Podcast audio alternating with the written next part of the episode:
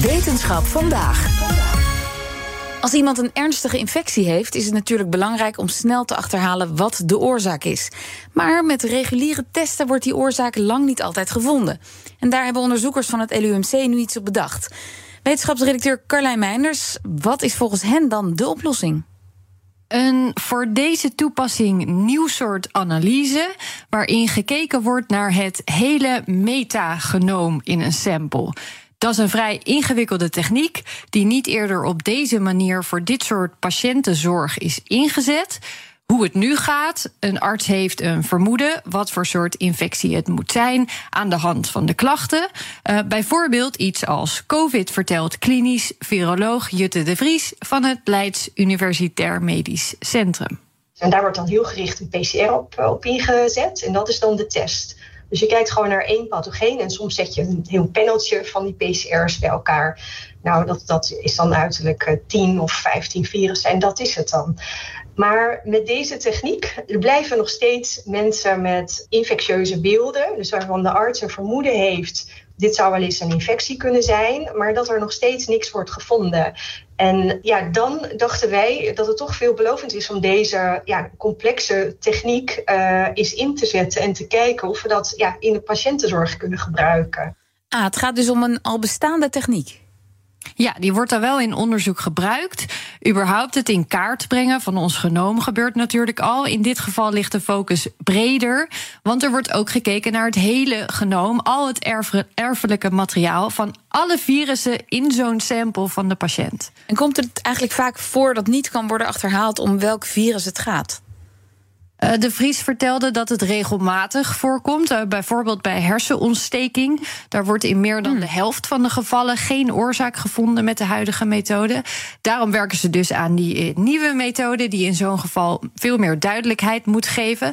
En dat heeft de Vries niet alleen gedaan, maar met moleculair bioloog Ellen Carbo. Zij promoveert op dit moment ah. in Leiden op dit onderzoek. En zij heeft de techniek in de afgelopen tijd gefine-tuned om hem eigenlijk geschikt te maken voor die toepassing in de patiëntenzorg. Niet makkelijk, want je moet je even voorstellen: tussen 10 miljoen stukjes DNA moet die test dan bepalen om welk virus het gaat. Dus wat we allereerst gedaan hebben, is om deze methode ja, nog sensitiever te maken. Dus dat we nog beter uh, virussen kunnen opsporen. Dus we zijn probes gaan inzetten. Je kan het eigenlijk zien als een soort van visnet, waar de sequenties in staan voor die virussen die ons zouden kunnen infecteren. En daarmee halen we dus, we werken al het materiaal eigenlijk dus op. Dus alle DNA en RNA uit een sample werken wij op. En dan halen we daarna dus eigenlijk dat visnet er doorheen. En daarmee krijgen we dan alleen, houden we die virussen dan over. Maar uh, Carlijn, hoe weet je dan, als je dat visnet er doorheen hebt gehaald... Uh, tussen al dat materiaal, welk materiaal dan de boosdoener is? Ja, ja, goeie. Ja, meestal als het dus gaat om een virus, zie je wel dat daarvan dan het meest aanwezig is. Maar we gebruiken hierbij ook een, een software tool um, die tevens ook al de virusdeeltjes die we vinden, eigenlijk terugpuzzelt tegen het, het genoom waarvan we dan denken dat het is. En dan zie je ook dat eigenlijk dat hele genoom van dat virus dan dat we dat helemaal eigenlijk weer terug kunnen bouwen, zo'n beetje. Dus dat is voor ons altijd ook een goede indicatie van, ja, van dit virus zit echt daadwerkelijk in dit patiëntensample. De test biedt nu voor 90 tot 95 procent zekerheid. En is gevoelig genoeg om het ook te zien als het sample vervuild is. Uh, bijvoorbeeld als er ergens tussen de afname bij de patiënt en de analyse in het lab nog iets bij hmm. is gekomen. En vinden ze zo ook wel eens iets wat ze nog nooit hebben gezien?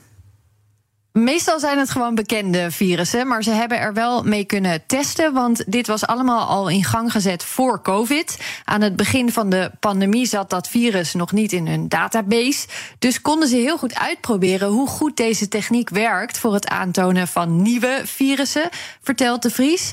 En in het geval van COVID lukte dat. En dat hangt voor een heel groot deel op de gelijkenis van nieuwe virussen met reeds bestaande virussen. Er is altijd wel een deel overlap. Hij puzzelt ook de onbekende stukjes aan elkaar. Hij herkent dat als sequenties die bij elkaar horen.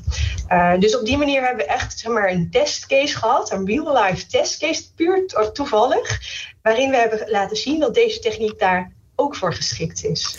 Klinkt toch wel als heel veel werk, want als je dit moet doen bij iedereen die zich meldt met een infectie. Ja, ja, hele goede. het, eh, het LUMC heeft er nu dus een speciaal expertise-lab voor. Daar krijgen ze ook samples binnen van over de hele wereld met onopgeloste zaken, zeg maar. Maar zou je dit op meer plekken willen doen, dan is er meestal wel een hele andere werkwijze voor nodig, ja. En dit zal dus niet ja, gewoon in je gemiddelde gezondheidscentrum gebeuren straks?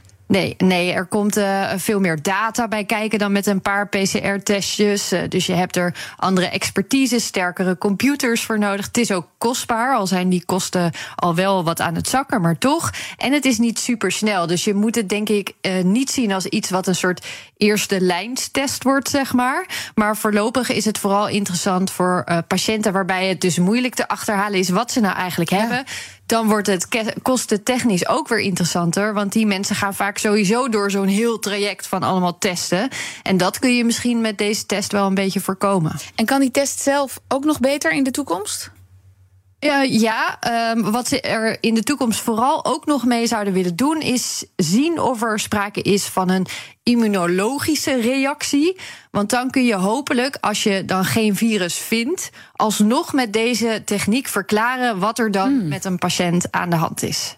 Dankjewel, Carlijn Meinders. Business Booster. Hey ondernemer, KPN heeft nu Business Boosters. Deals die jouw bedrijf echt vooruit helpen. Zoals nu, zakelijk tv en internet, inclusief narrowcasting... de eerste 9 maanden voor maar 30 euro per maand. Beleef het EK samen met je klanten in de hoogste kwaliteit.